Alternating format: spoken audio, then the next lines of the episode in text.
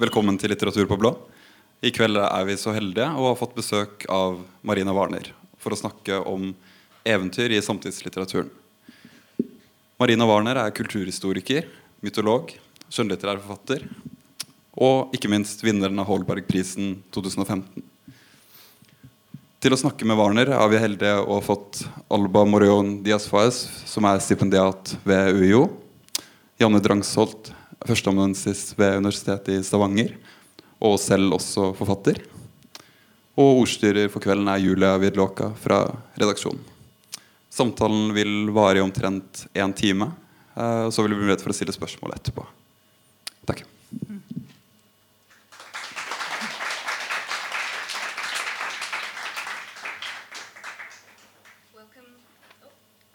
Is this on? Now it's on. Welcome, Marina Warner, Janne Drangsholt, and Alba Morollón Diaz Faes. It's a great honor having you here at Litteratur på Blå. In this conversation, we're going to talk about fairy tales and how they are still very present and significant in today's culture. For example, through the many retellings of fairy tales in contemporary literature. We know well known writers such as Angela Carter, Margaret Atwood, and also new writers such as Helen Oyeyemi and Camilla Grudova that may be said to continue their tradition have done retellings of many famous fairy tales, often from a feminist perspective. Uh, Marina, you're a significant figure in this tradition as well, both as a scholar and a writer of fiction. Uh, could you maybe tell us a little bit about the feminist interest in the fairy tale as a genre? Well, I've actually, thank you so much, and thank you for inviting me um, to Oslo and to this rather wonderful venue. Um, I am. I've actually seen it happen in a very curious way because when I was um, in the late 70s, Angela Carter began publishing these retold fairy tales in small magazines. One of the magazines was called Bananas, and it was a one where there were also some feminists of that generation. Sarah Maitland, one of you was, and, um, and uh, Michelle Roberts, and uh, Michelene Wandor. They've rather faded because Angela Carter's star has risen so strongly. I mean, they faded. I don't mean they faded as writers. I mean they faded from prominence in the discussion of fairy tales, uh, which is unfair because it was a part of a movement in in circles, in literary circles at that time, and, and, and Margaret Atwood in Canada was also very involved in that. But at the time, it was received as a kind of very strange marginal, weird enterprise of some, some, women who couldn't grow up you know, that they were still completely obsessed with the nursery. And um, when I began teaching fairy tales in the 90s, uh, late 90s, the parents complained that um, they weren't sending their children, their young people, to universities to be taught fairy tales. What was this? They were meant to be doing a literature degree. So, uh, so I've actually, because now it, I would say that this form of metamorphosis of actually speaking to a tradition and changing it has become very central to ways of reading in the academy and, of course, for pleasure outside the academy. Not that we, we read for pleasure in the academy too. but why do you think it's become like this? I think that there are sort of two main motors of, the, of, the, uh, of this new engagement. One is that for a long time, we didn't think of literature as a collective activity. There was so much emphasis on individual interventions being singular, and the market tends to reinforce that. And I'm not saying that there aren't individual voices, there absolutely are. I mean, Angela Carter's voice is utterly distinctive and very, very remarkable. Um, and that can be said also of, you know, of La Princesse de Clèves and, and so forth. I mean, there is obviously a, a, a print and a signature um, on a text. But at the same time, there's a, there's a collective conversation. And the collective conversation in the case of fairy tales was about sexuality. That's what Angela Carter um, kind of revealed. She said she wanted, it's a very famous quote of hers, that she, you know, wanted to put old wine in new bottles and to watch them explode. Um, and she did do that. She exploded the kind of latent, erotic, um, polemical content, core of some of the famous stories. And that, that's a dialogue across generations and across from one writer to another. You know, what are we to do with this very dominant particular trope of female cunning, female unreliability, um, female sort of ex- ex- female excessive passion and appetite, or frigidity, either way, um, and actually the question of the female body, the idea of getting a subjective voice into these former bottles, these old bottles, which had sort of talked about women but somehow not actually voiced them. That that became an area that we could talk to each other um, through. So it was, in that sense, I think, driven by a desire to have some kind of shared language. Do you also believe that uh, the shifts in, in academical theory influenced the way the way the uh, fairy tales are written? For example, with the post-structuralist movement and those movements. Well, the other thing that I've seen happen, um, I mean, post-structuralism very interesting to bring it in because um, there's a kind of self-awareness, and uh, you know, it may be something to do with how many writers do now make their living by actually teaching.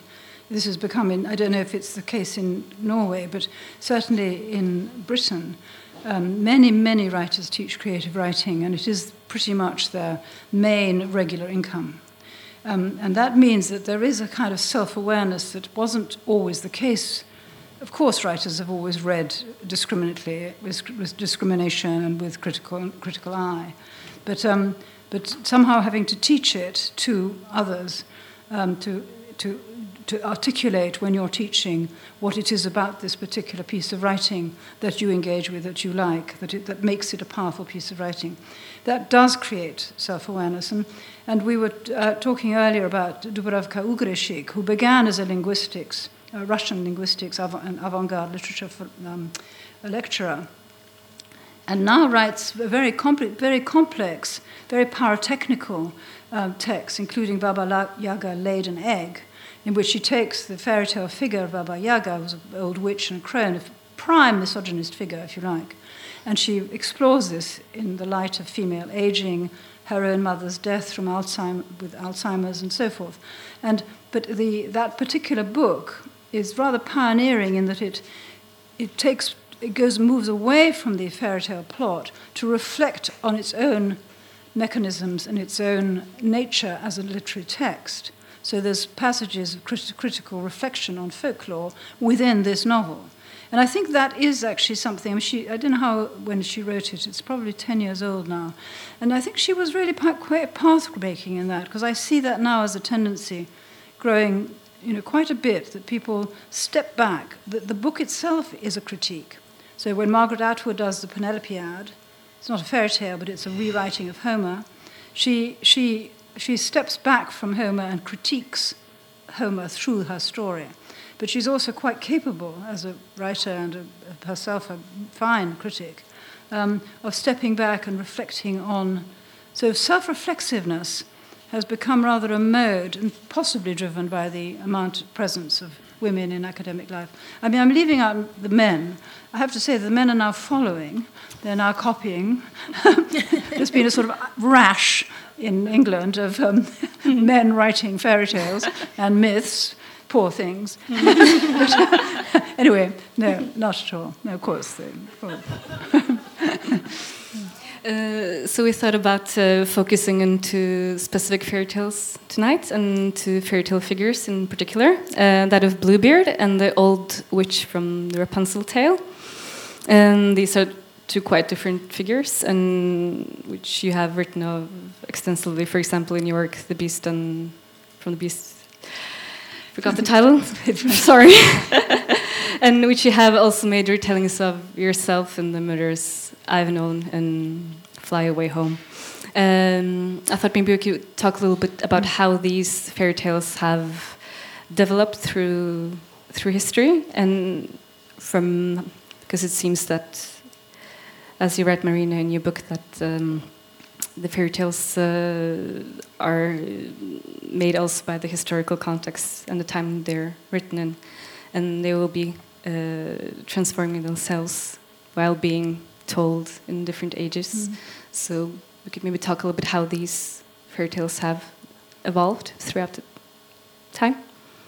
Maybe Janne, have you yeah. some thoughts about that? Oh, uh, I, I, don't, I would be quoting Marina Warner if I talked about that. But I was, can I, before we do that, can I just comment on something course. that you said? Because I was, I was reading this text uh, by Neil Gaiman Yes. uh, earlier Yes. today, uh, and he was talking about this conference that he'd been to.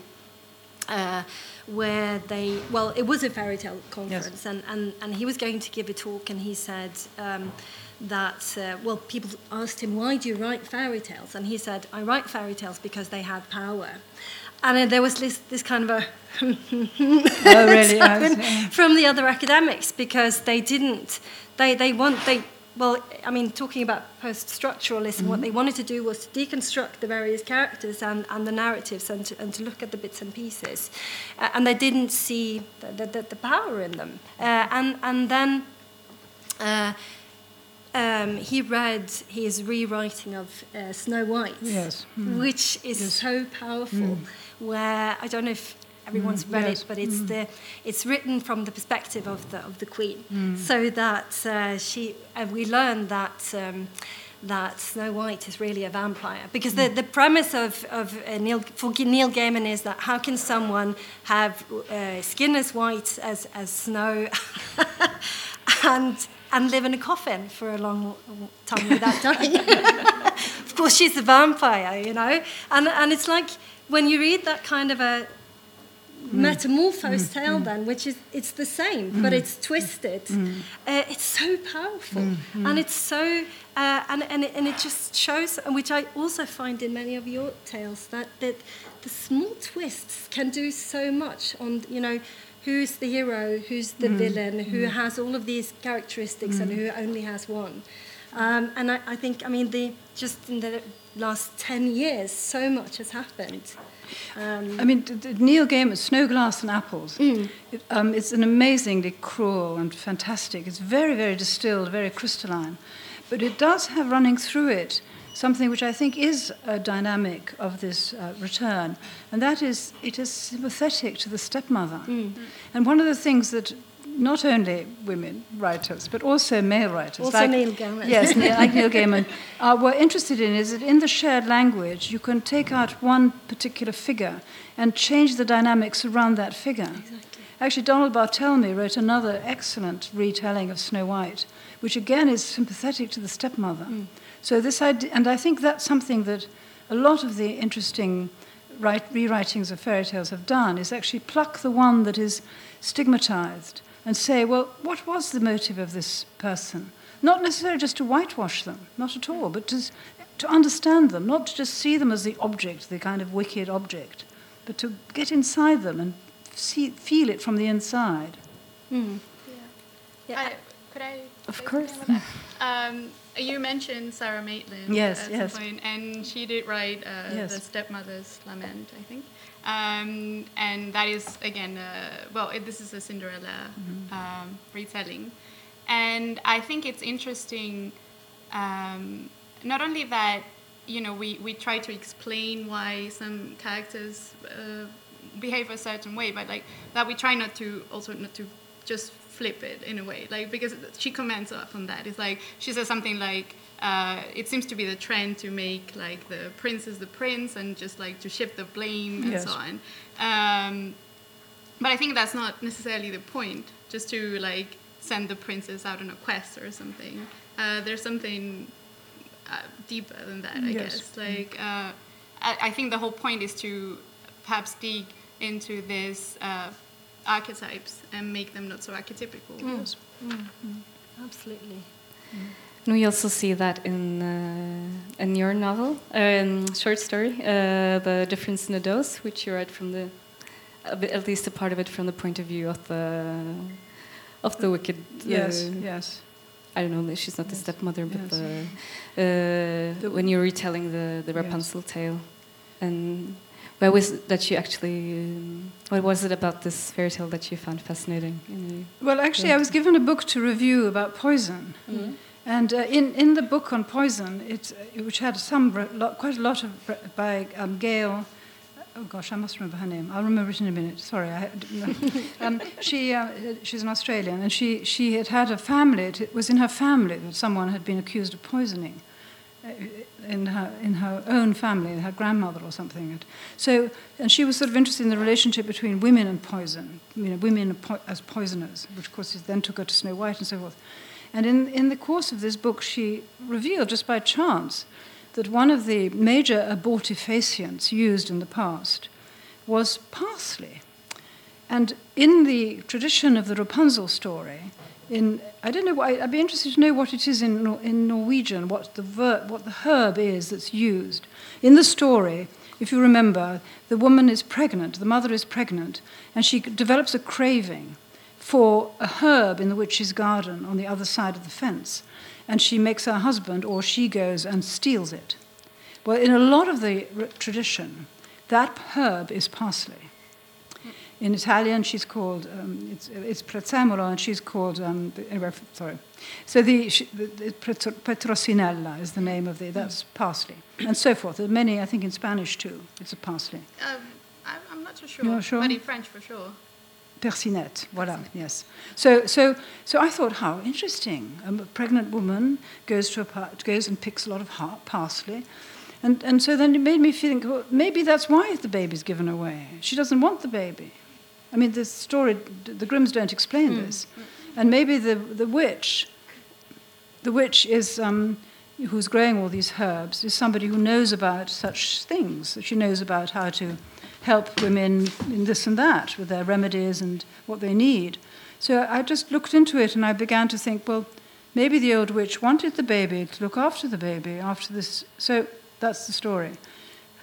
And um, well, I've, i mean, it led me into it, it is a way of trying to think about the, a, a, negative character and sort of enter there.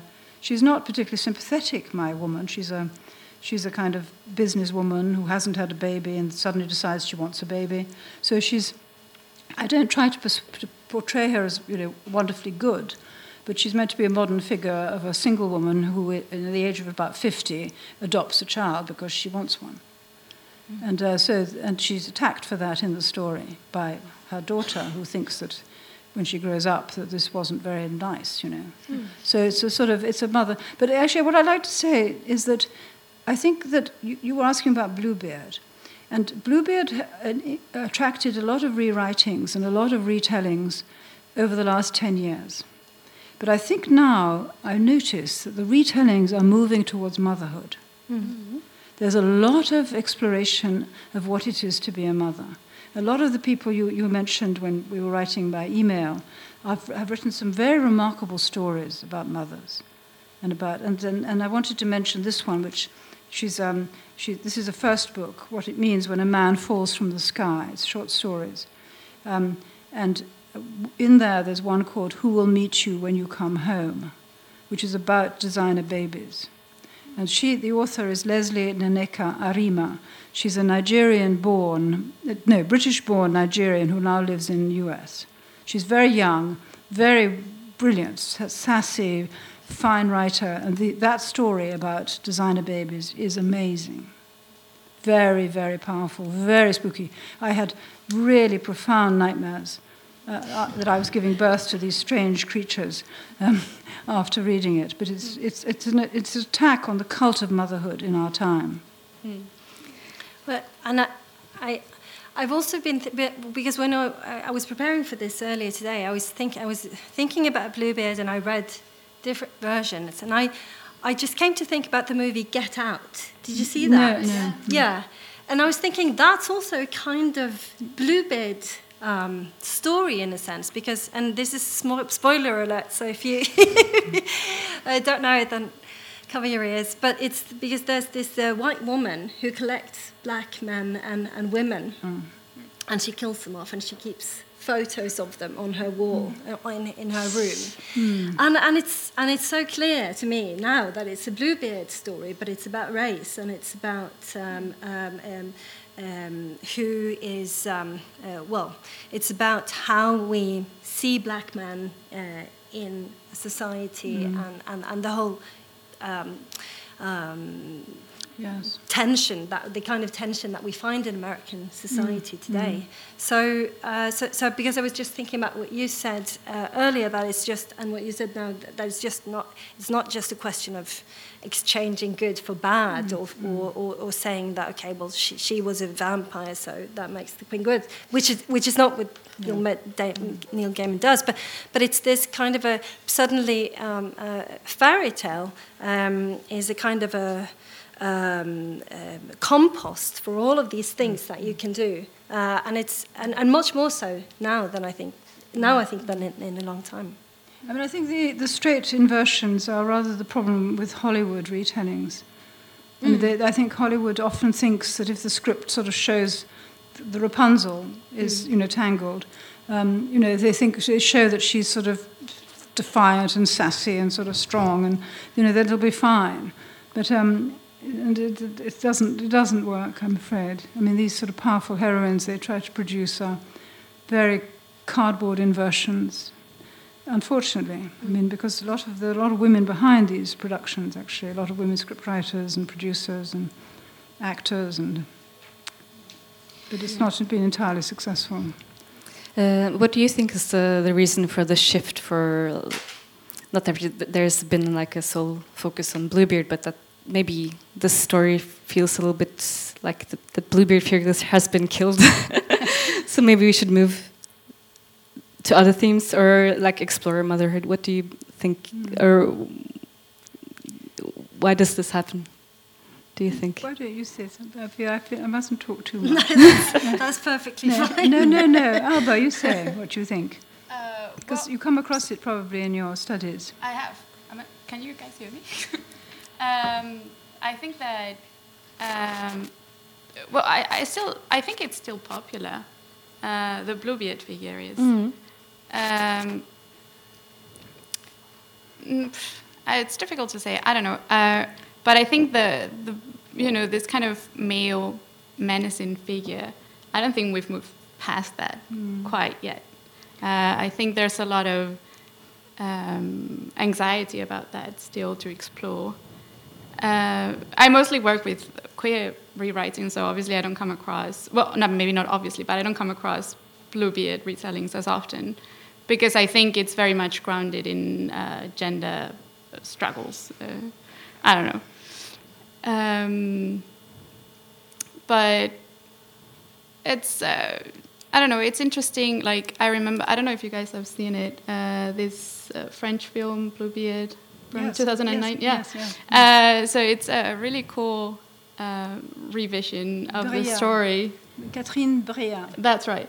Um, it, I think it's really cool how it ends in this kind of sad, sad uh, image. You know, she has like the in the end, like when they kill Bluebeard off, she has the the head of Bluebeard in front of. Yeah, so like uh, it looks like a painting in a way. So like I think it's. I i even though it follows the Perrault story quite closely, I think it ultimately kind of flips the script. It does something that's actually quite quite important in this, which I didn't mention before, and that is that it's played as if it were a kind of amateur theatrical. So you see it, you see them putting on costumes, and there's a lot of use of dolls' houses and things, so that you're constantly reminded that you're in a stage setting, and that the young girls, the Bluebeard's wives and her sister and so forth, are kind of performing. Um, uh, play acting. and Bluebeard is somehow, somehow doesn't quite understand the game. He's kind of a sort of a, he's very the actor is very very large and um, and sort of rather blundering. He's he's sort of edging towards the comic ogre um, rather than the sort of fierce uh, uh, Lothario ogre. And he um, and he's and, and this play acting of the children, sort of mischievous play acting around him, bamboozles him. He doesn't know what's happening. And but that is also part of this language I was talking about. What is enjoyable in the communication of fairy tales is that the elements of play are present and shared. We know what they are. So when, when the ogre walks on, we have a sense of what to expect and we can enjoy the way it's upturned or, or modified or, or enchanted in some way. So, the, mm. so there are a lot, I mean, a lot of fairy tales are about metamorphosis, but they actually perform metamorphosis in their language and their structures in themselves. So there's a, sort of at least a double metamorphosis going on. Yeah, and, and the whole premise for this is playfulness, right? Yes, because yes, you're, mm. you're taking something and, and, and you're tweaking it a bit. So so playfulness is kind of the, I mean, that's the, the premise from which Yes. everything grows here. Yes. Which is also good. I, I, I read this, um, um, this uh, uh, article by, by Caitlin Moran, and she, she said that this is, the, this is the road that feminism must take because patriarchy uh, understands you know seriousness it understands arguments but it doesn't understand playfulness Actually, uh, Breillat uh, raises a, a question which um, I think follows from Julia's question to us, and that is that she actually made pornographic films before. um, and, you know, when you were talking about Bluebeard um, as a figure, and you quite rightly said that you didn't think he had been killed off at all, or shut in a cupboard, or, or even in a bloody chamber yet, um, there is, a, there is a, quite a streak within some women's expressions of actually being very mesmerized by the figure of the brutal man. And this, of course, is a sort of I mean, this is a huge conflict within feminism and within the world, actually. I mean, the, the, the popularity of Shades of Grey, you know, is a real conundrum. Um, and so, and it's, it is incontrovertible. It was very, very popular. The film was made in England by, you know, quite a well-known, soi-disant feminist filmmaker, Sam Taylor Wood. Um, so, you know, where are we in this particular? Uh, I often wish Angela Carter was alive because, you know, she wrote about the honesty of pornography facing up in her book about de Sade. She wrote about the, the honesty of pornography facing up to the realities of the commercial hard-nosed transactions and brutality of bourgeois marriage. And that in, in The Sadean Woman, she says, you know, that pornography is a kind of mirror projection of what actually happens in, you know, the sitting, the, the bedrooms of ordinary people. You know, I mean, this is matter for discussion, but I mean, that was her view. What she would say now, I'd be very, very interested to know because it has spread much more. It's no longer sad when I was, when she was writing that and when I was young, was not available to read. I mean, you had to find a contraband copy. Hmm. but you've also worked a bit on pornography and, and the way that is presented on the internet right you wrote about that in the Norwegian newspaper Morgenbladet Oh, that's right. Yes. yes. Yes. I wasn't really trying to write about pornography, but I was. I- it I was could- about pornography. yes. yes. And I was writing about the internet. Yes. Because of course it's a, it is linked to the Mm. internet. Mm. I mean the, the spread of pornogra- pornographic um, modes of, of uh, representation. Mm. Um, and no, I was just interested that there is a. I mean, what I tried to say in that article is that there are ways in which um, the subliminal signals of pornography, um, in some of the uh, very common devices that we use. I, I mean, I'm, I'm rather a sort of. Well, it's, it's a difficult argument, but pornography tends to eliminate tactility and sense, the senses. It's a sort of visual experience. And of course, if, you if you're lucky enough to have had sex, sex is not only a visual experience. Um, so, so, so it's, um, it's, um, it sort of leaches out an awful lot of the sensory range um, of, the, of the actual embodied, you know, um, the, the thing that happens between two bodies. Um, and it seemed to me that this was slightly replicated, what I try to say in that article is slightly replicated in our hardware, in that our hardware is very anti-sensory. It's sort of very slick and smooth, and it's kind of hairless and mm. doesn't smell, and mm-hmm. you know, so so it sort of it, it kind of makes the por- the pornographic imagination that is cybernetically delivered is one that is really against the flesh and mm. against embodiment. Mm. And and actually, one of the things that happens when write, people write well is that you get embodiment. So, oddly enough, constructing images in your brain is very different from seeing them online. So, even reading pornography actually is very different from seeing it. Mm. But this is a very complicated question, and I'm not sort of.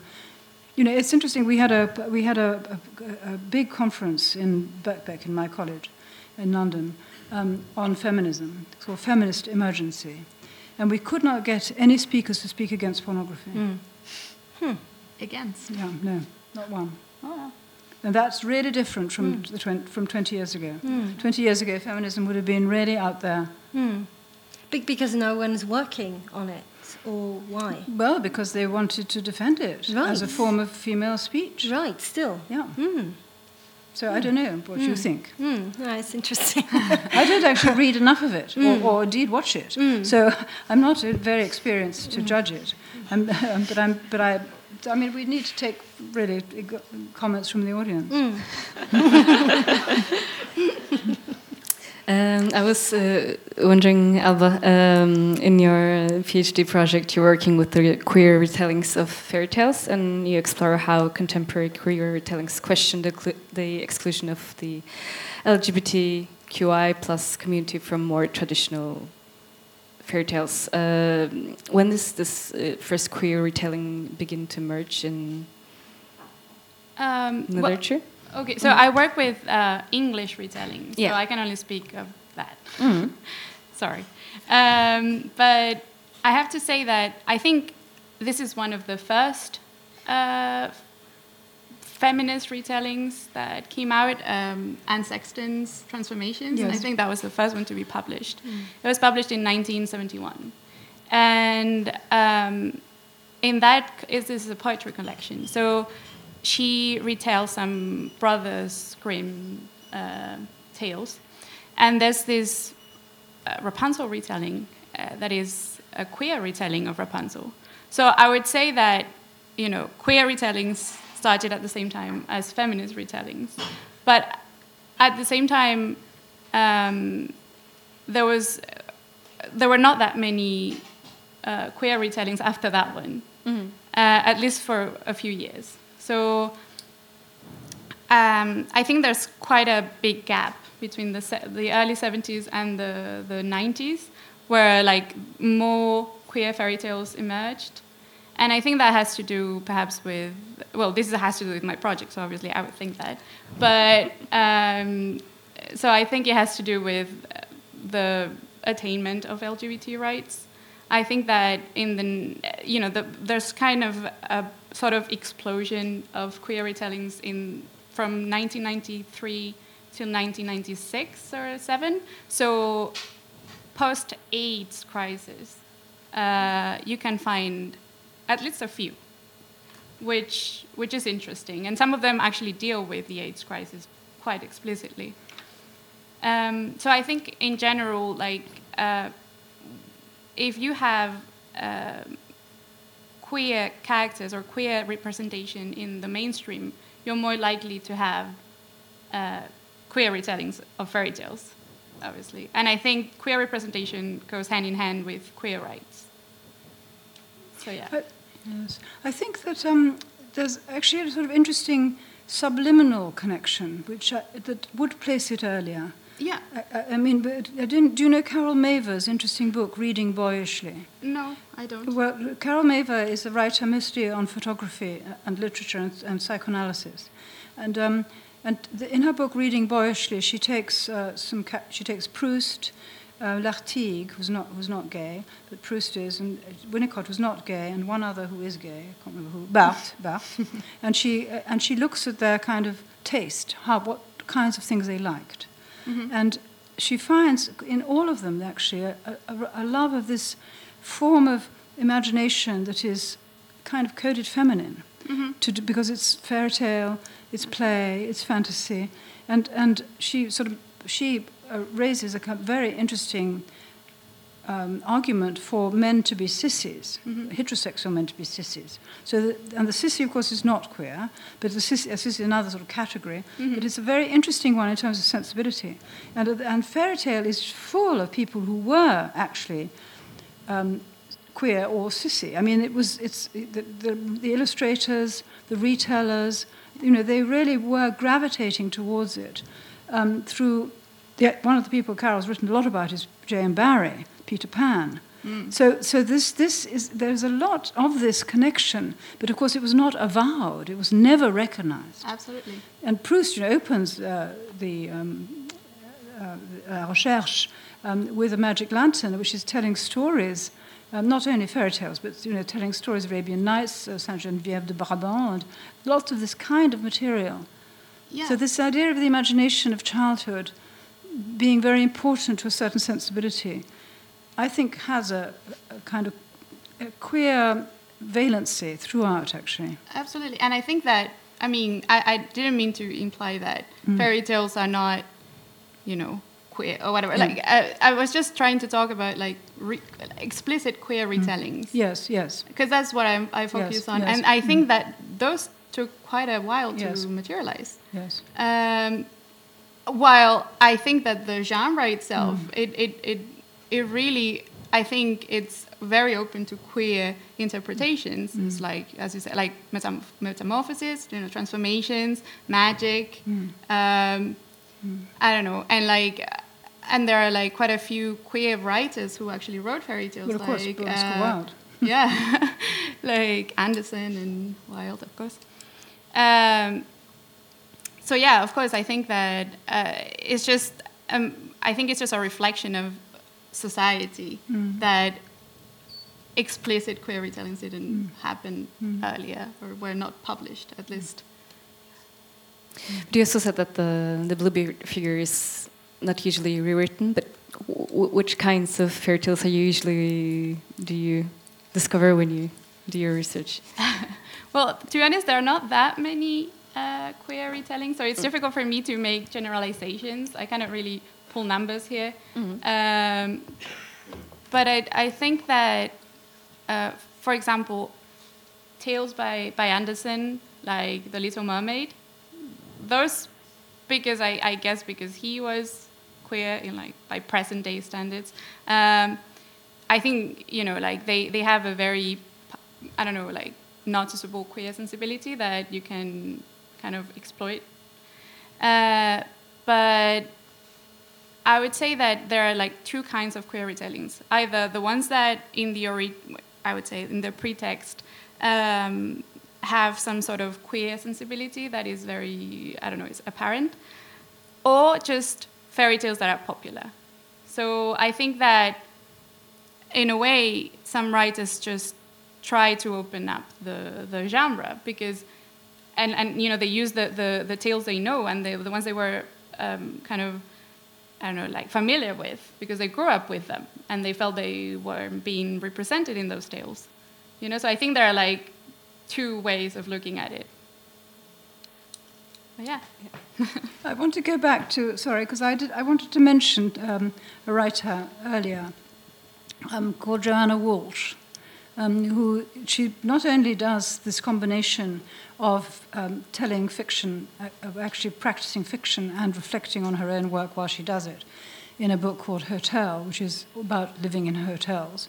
Um, but she, I mean, she mixes fantasy and and reportage, if you like. But she's written a book called Grow a Pair, which is a very good, a very fine example.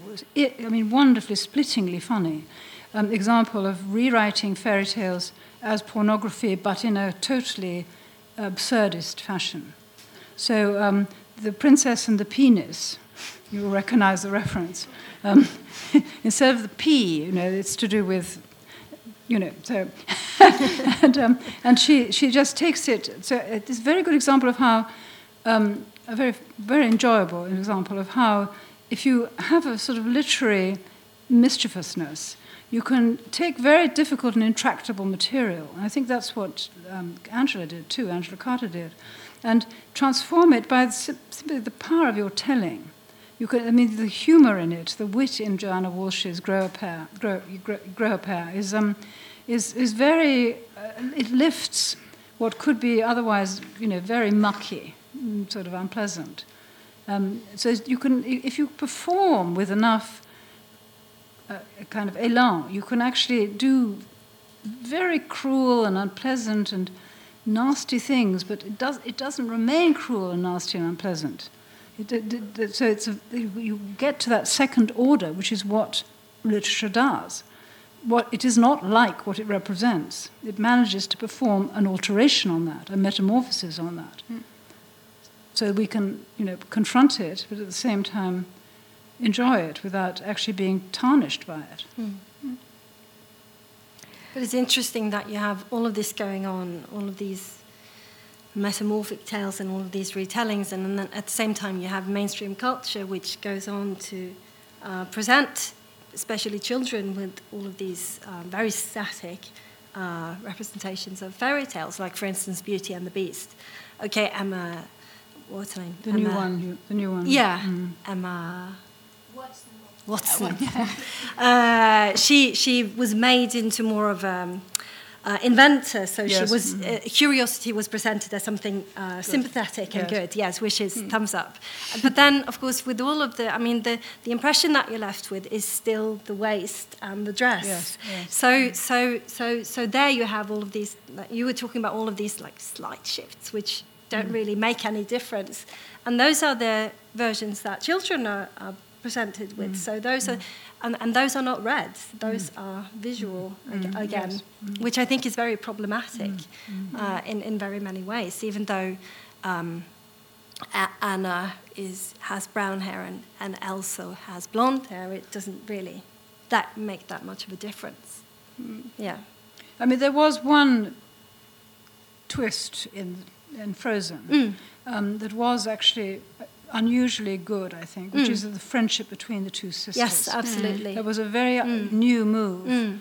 within the mass media representation of fairy tales. Mm. In fact, there is a lot of solidarity in fairy tales between siblings, Mm. but, but the, man, the mass media have tended to pick out the rivalries and tensions, the, the ugly sisters Yes. and Cinderella, rather than stories in which brother and sister, you know, fight through the wood together and so forth.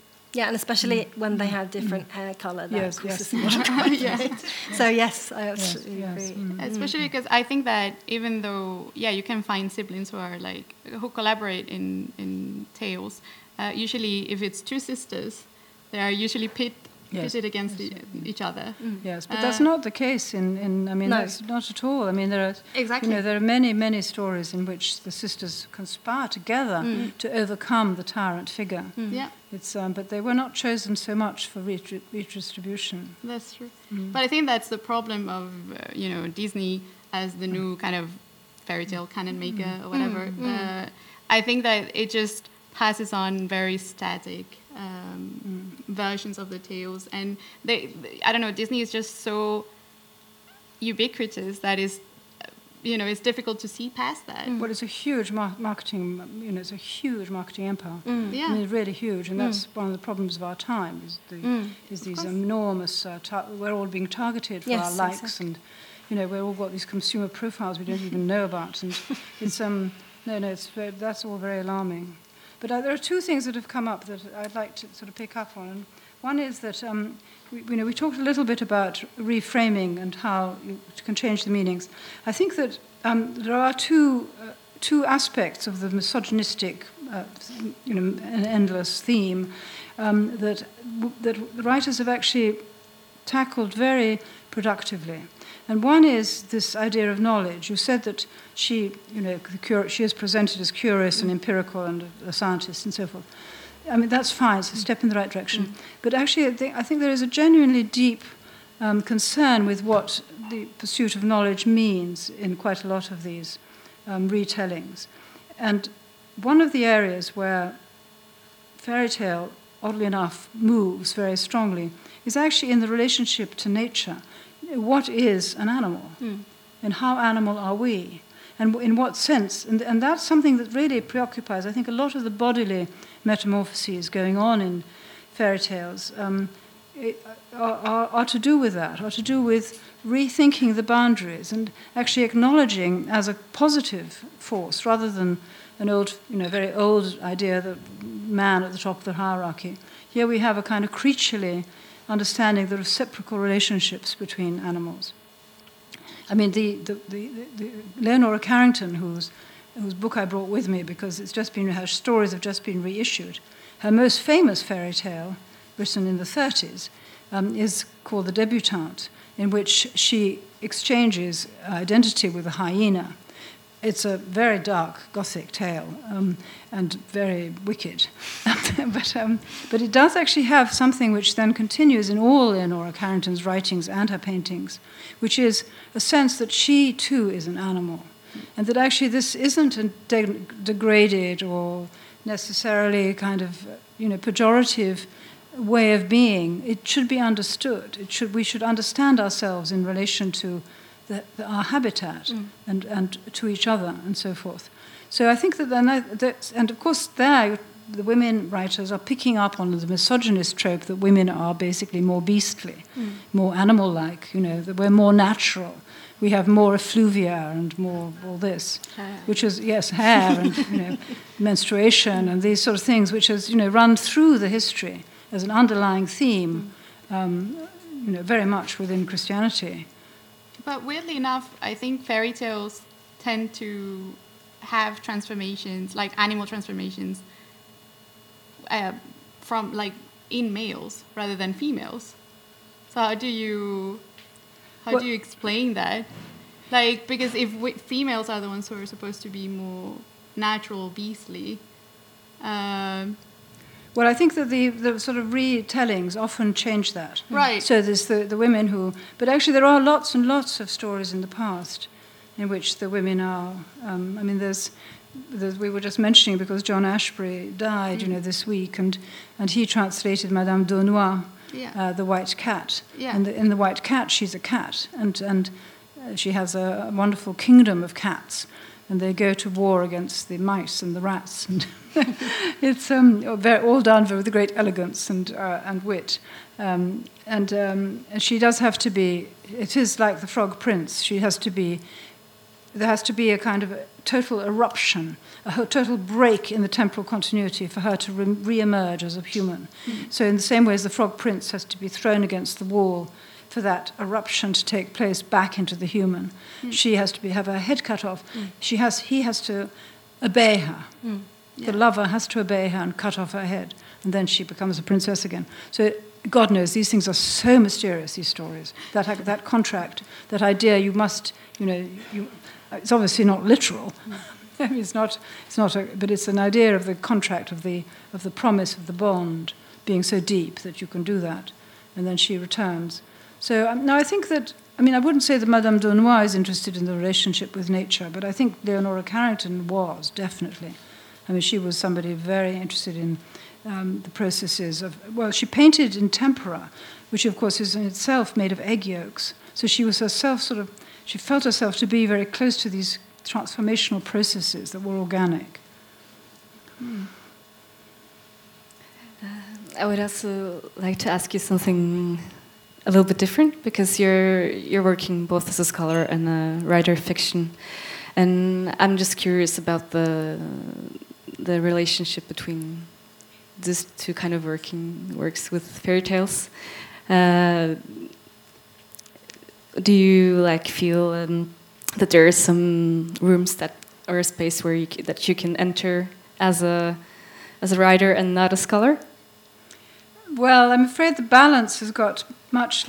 I mean, the balance is tipped. I used to write one one book in one mode and then the next one in the other mode, but it's tipped because I get asked to do more talking and reviewing and criticism and so forth. So I don't write as much fiction as I would like to now, but. Um, I really do enjoy doing it. It is a very different place to be. It's much more like listening to a piece of music than it is, you know, like giving a lecture. So I find it. Um, I did just write a f- sort of fairy tale actually because I was asked to write it for charity. You know, someone asked me to write a, to contribute to a book to raise money, and um, and I, I had a lot of fun with it. I wrote an animal story in which the actual character decides to be an animal and runs away into the into the into the woods. So. Um, that's um, that was, um, but it was lovely to do it. And it meant I, I went, I, I researched the area, and so I went for a fantastic river on, in a rowing boat, just look at this river where, where it was meant to be happening. And I hadn't been on a river in England for a very long time. Just a little river near Stratford on Avon, which had water lilies. And actually, today I was in the museum and I saw some wonderful paintings of Norwegian rivers but they're more magnificent than this little river in Oxfordshire, in, in, in uh, Warwickshire. But do you, uh, if there's some some issues that you work with uh, in your uh, academic work, do you explore them further in your fiction, or is there? Well, for a long time, e- every novel that I wrote was an answer to the previous non-fiction book. Um, because every non-fiction, because one of the differences between writing criticism, in my experience, is that you have to make up your mind. You can't just go around the question. But fiction, you can do that. Fiction, you can come at it and think. So, for example, I wrote a critical book about the cult of the Virgin Mary, but my second novel was a, we had a character who sees the Virgin Mary. Now, in my book, I didn't, I don't, I don't want to sort of say that Saint Bernadette didn't see the Virgin Mary, but you know, the implication of my book was that these are social and cultural phenomena, and she's a perf- perf- she was a perfectly, um, you know, honest person. It wasn't that. It's just that what made her into a visionary were the circumstances around her. But in the novel, my you know, character really sees her. So I sort of went, I went into th- th- that experience from a subjective point of view, which is a very different, and it, and it means that you have more ability to emotion, to connect emotionally with, with, with, um, with the situations that you then, that you're, uh, probably a better example actually is the novel I wrote called The Lost Father which is about my mother's upbringing in Italy. That's a better example. Because my mother was born in 1922, which was the year Mussolini came to power in the south of Italy. And she married my father in 1944, which is the year Mussolini eventually uh, you know, died and was deposed. So um, her life, her entire childhood and formation was fascist. Now, if I'd written a book about fascist women of the lower middle class, which is my mother, it would have been a critical book they, very few of them did anything about fascism. They suffered horribly. It was not a nice regime for anybody, but they did nothing. They just went along with it. And, you know, no heroism. So how, do you, how, would you, how would I have done that in a critical study? But in a novel, in a novel, I could see it. I could see what, and I could see the courage of these ordinary lives. How you survive, how a widow with four daughters and no money, how you, you put together a life that is dignified. And that's what fiction can do, you know, that it goes into the ordinary corners of reality. And it's not, anyway, it's not a sort of moral, you know, I wasn't advocating this kind of life, I just was trying to dramatize it. And that, uh, so that there's, a, and there's of course a consolation for the writer in that, because you feel you have a connection, an emo- deep emotional connection. How about you, Janne? You're also a, yes, yes. You're also a writer. I, I agree. I think that there is um, a very strong sense of, of um, uh, truthful. I, I, I think of, um, like, when I write academic texts, I always think of a puzzle. So all of the Yeah. different bits and pieces have to match. What, uh, and I think that one of the great illuminations that happened to me uh, when I was writing uh, fiction was that, oh, I can trick people. I can. I don't have to be truthful. The, the, the, the bits and pieces of the puzzle don't have to. I can just make them fit uh, by tricking people. So. But you also have fun, don't you? Yes, You're absolutely. a comed- comic writer. Yes, yes. yes. That's a wonderful yes, resource. Yes, I, I, I enjoy it very much, and I think that that's um, because I don't my my academic writing is very it's very post-structuralist. It's very strict, and my uh, fictional writing is, is the opposite. So I enjoy that balance. But I was reading your text today. I was reading your fiction alongside your academic writing, and that was so interesting because I'd never done it before. And I was making similar, similar, similar notes in the margin, and I thought that was very interesting. I was writing, you were writing about curiosity, and then I noted curiosity in one of your short stories. So I thought that was very interesting to try and. I've never done that before to read mm-hmm. someone's fictional and academic writing at the same time. So.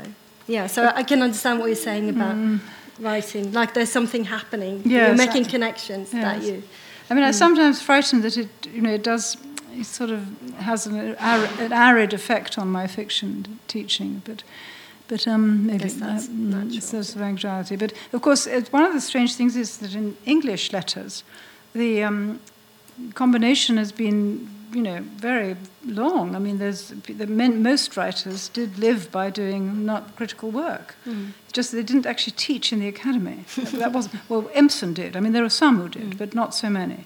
But they they certainly worked as critics. A lot of them. Mm. Virginia Woolf worked as a critic, and her voice is wonderfully distinctive as a critic, but it's not the same as her fictional voice, which is a different kind of Mm. way, different approach. And some of it's very, very good. I mean, her, her acerbic, her kind of stringency and her acerbic character is much more in the criticism than it is in the, in the, um, in the fiction. Mm. And I think it's the same with Ted Hughes. So you can recognize his, his um, warmth, in a sense, in, in both the criticism and, and the poetry, and, and maybe the violence as well. Uh, but it's, yeah, but those are two different realms. Yes, I mean, he of course had a sort of worldview. I mean, he had a he did. so he was building through his non-poetical writings a huge sort of um, perspective um, on myth and and on nature and um, on big big topics. Um, and and it, I think that was one of the reasons that he was slightly athwart the his reception was sort of mixed in so many ways, especially for his book on Shakespeare, um, because that's all that that kind of seriousness doesn't go down very well in England. It's too it's too um, yeah, it's too utopian in a way. The, the irony is such a strong, strong desire. But he sometimes writes uh, in his letters, for instance, that he feels that the, the, the critical work that he's doing is, is draining him. Yes. That he should he's, he's always feeling guilty because he's not writing poetry. Yes. Do you do you have that kind of a conflict? Do you, do you find when you write? Well, like, he felt it as an illness. I mean, he mm. thought it was actually something that was making him mm. ill. I mean, he thought mm. his cancer was actually sort of caused by criticism, uh, writing it, not criticism of receiving it. I mean, that he'd sort of fostered this cancer inside him of, of, uh, by, by throttling his imagination. Uh, I mean, I, I yes, I wouldn't. You don't. I, don't- I, I wouldn't I, I'm not quite. I don't have quite his dramatic imagination. I wish I did. His um, sort of apocalyptic perspectives. Um, no, but um, actually, it's interesting because, of course, I, I, he, he was so interested in nature mm. and in and the different aspects of it. I mean, he was interested in the cruelty of it. So, and that's a connection to to myth again, the cruelty and the sympathy, both. I mean, he felt himself to be a, a kind of animal, you know, a fox, a mm. crow. A, you know, he had many, many manifestations, mm. animal manifestations of, of Hughes.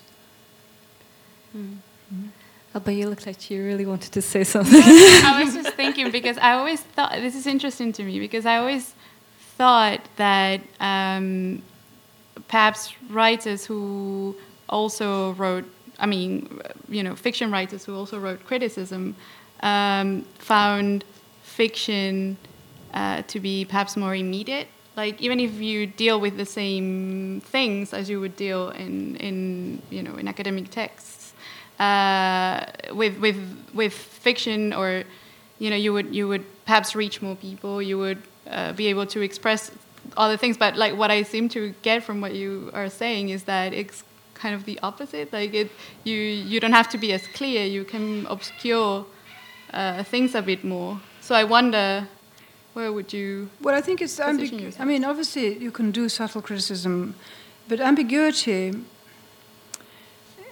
I mean, it's interesting. I've just read an article about Empson because there's a new book about him by Michael Wood, and Empson uh, wrote a very famous book, know, Seven Types of Ambiguity, but the book itself is not ambiguous.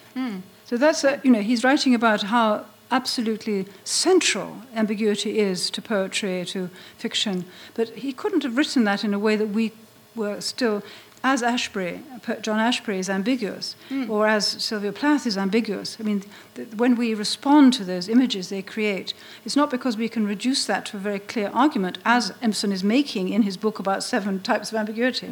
So there is that, that difference. But uh, there's also a very important function of this um, move through fiction, and that is that there are whole tracts of you know the, the past and the world present that are not actually retrievable except to representations of art. Mm. Mm. I mean, otherwise they will be lost. Mm. I mean, when we look at Stonehenge, and we have so little idea of what those people, who they were, what this building is. And people have obviously done huge amounts of work on it, and there are lots of there's lots of speculation.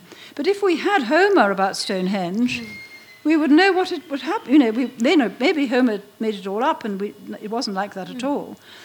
Um, of course, he made it all up, but I mean, he. but, but, it, but, we take it as being something close to what actually was experienced in the Bronze Age.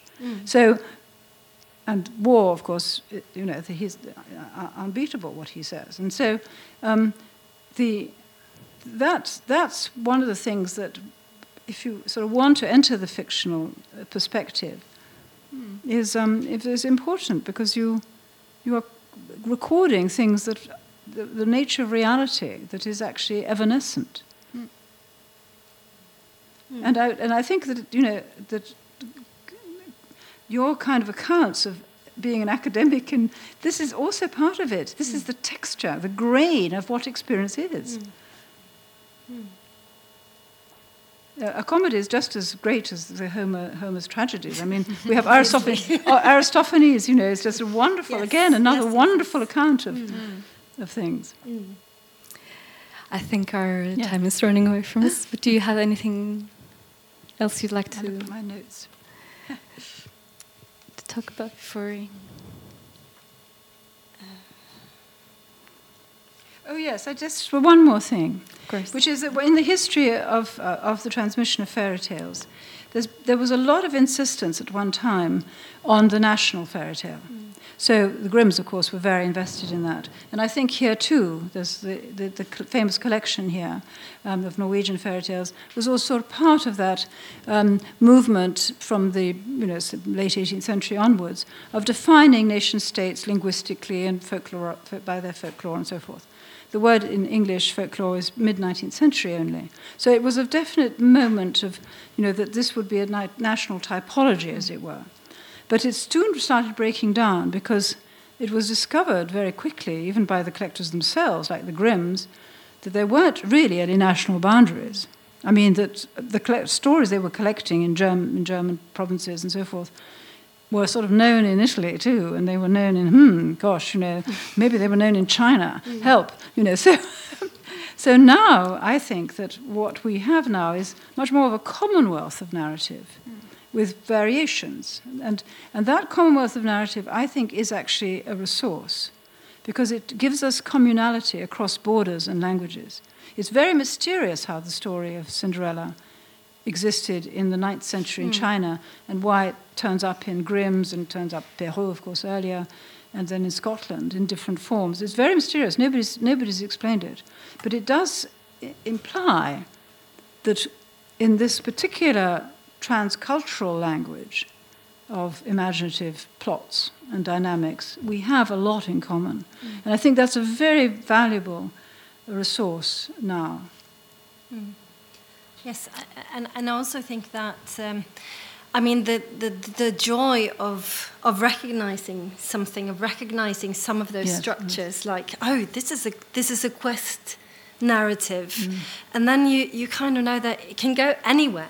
It's it, it's start, you, you know something that's going to happen and you know you recognize that you know it's familiar you recognize it but at the same time there's this you know this this sense well this sense of wonder uh, which is so gratifying and and uh, and so marvelous in, in every way um, so yes I think that that's I mean that's connected to yes it is yes, yes definitely so um, mm. Go fairy tales. yes. mm. Are there any questions from the audience? Yes?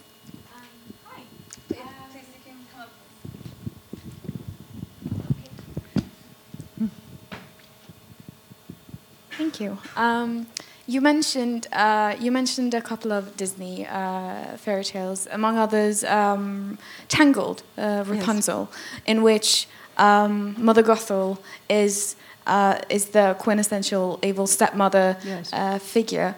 Um, I wonder if you have any thoughts on the way they played that particular narrative because the um, in the Disney movie they do quite subtle but interesting things um, in terms of uh, portraying uh, abuse by by a parental figure towards a child um, in the way that that uh, Mother Gothel um, acts towards Rapunzel. It's it's not something that's that you notice immediately, but it might be something that um, a child would notice um, on some level. And I wonder what you think of that, and what you think of that in terms of the the usual way that the evil stepmother um, is portrayed in fairy tales.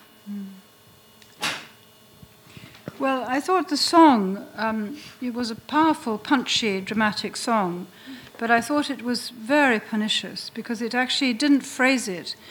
It didn't phrase that, that scene and those interactions with the Rapunzel heroine as um, in, individual acts of child abuse, but as generic relations between uh, a very repressive mother figure and a child who wants to be emancipated and wants, wants to have more freedom. And it seemed to me that actually, I think that is quite a characteristic of some mass media interpretations. So, and, and actually of some readings too of, of fairy tales. So, for example, um, I mean, yes, uh, uh, Bluebeard um, is often read as a, a kind of a, uh, as a, um, a serial killer um, figure um, but the serial killer figure is often a generic type of male. So rather than so there's, there's this play between you know what is seen as the general situation and what is seen as a particular crime. And I think the, a particular crime is actually, I mean, I suppose if the dramatization had been more subtle, one would have actually read it as a, as a particular story of child abuse. But as it was, I thought it was very, very. This is a very crowd-pleasing thing that Hollywood does: is portray the parents as idiots and and, and, and ogres. Mm. And I mean, it's just very, very difficult for actual stepmothers when their kids are, you know, being constantly exposed to this stereotype. And Mother Gothel, in that, did, did I think, I'm afraid, reinforce that. I mean, because the reasons for stepmothers in the past um, though I'm sure some of them tried hard too, but are very, very different from the, first of all, the frequency of stepmothers now, and also the, their efforts. I mean, there are lots and lots of stepmothers who are trying extremely hard to be very good to their stepchildren, and they battle against the stereotype which is in all the fairy tales. Mm. Yes, and, and also, I mean, the representation of Mother Gothel, which is interesting, like the, the, the version that you talked about earlier, where she takes the child because the mother doesn't want it, whereas here it's just that she wants to. I mean, she doesn't really want the child; she just wants the hair. So it's just this mm. sense of the, the yes. beauty, mm. the, the envy of the the, of the old, of the vigor, of the vigor yes. of her hair. Yes, I'd forgotten that. Of course, that's mm. right. Yes, mm. mm. yes. Which is also, I mean, mm. problematic to just do that again, mm. that old. Actually, there was an interesting Hollywood change, which I think was driven by Angelina Jolie, Angelina Jolie herself, which is the, in the um, um, this the Maleficent. In, mm. in Maleficent, mm. the wicked stepmother figure um, is, if you remember, did, did, did you mm. see it? She, you know, there's a moment. Uh, uh, sorry, there's a moment when Snow White is asleep and mm. she's, or is it Sleeping Beauty? Sleeping, Sleeping Beauty. Beauty. Sleeping Beauty is asleep and the prince is called upon to come in, and he's entering the bedroom. And I was in an audience of children, and a little boy in front of me in the, in the row said, Oh, I know what's going to happen now. He's going to kiss her, and she's going to wake up. and of course, if you remember, he kisses her in the film, and she doesn't wake up. And then they realize that she's going to die. She's definitely poisoned forever. And, um, and, and Maleficent, who was caused the curse in the first place, begin, weeps uh, because she realizes, so she's thawed. And that transformation um, is what wakes up Sleeping Beauty. And I thought that was actually a mm. very powerful and moving mm. scene. I liked it very much. Mm. Yes. Mm.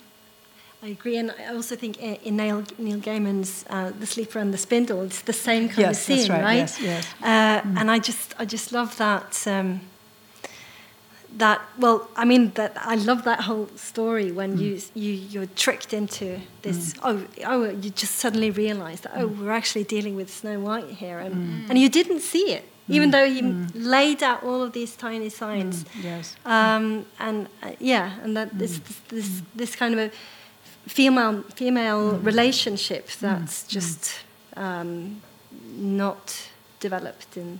Yeah, and the in the sleeper and the spindle, the the princess is the old witch. Mm. Actually, that's Mm. the twist in the Mm. story, isn't Mm. it? Mm. So that's a nice. Yeah. How are his Norse gods? How, What? how's his retelling of the I, Norse I gods? think they're wonderful. Are they? Yes, yes, I really like them. I must get it. Yes, you Yeah. should. Yes, yes. no, I do think he's he's terrific. Mm. Very interesting. Are there any more questions? Okay. Thank you very much. Yeah, thank you very Thank you much. Thank you.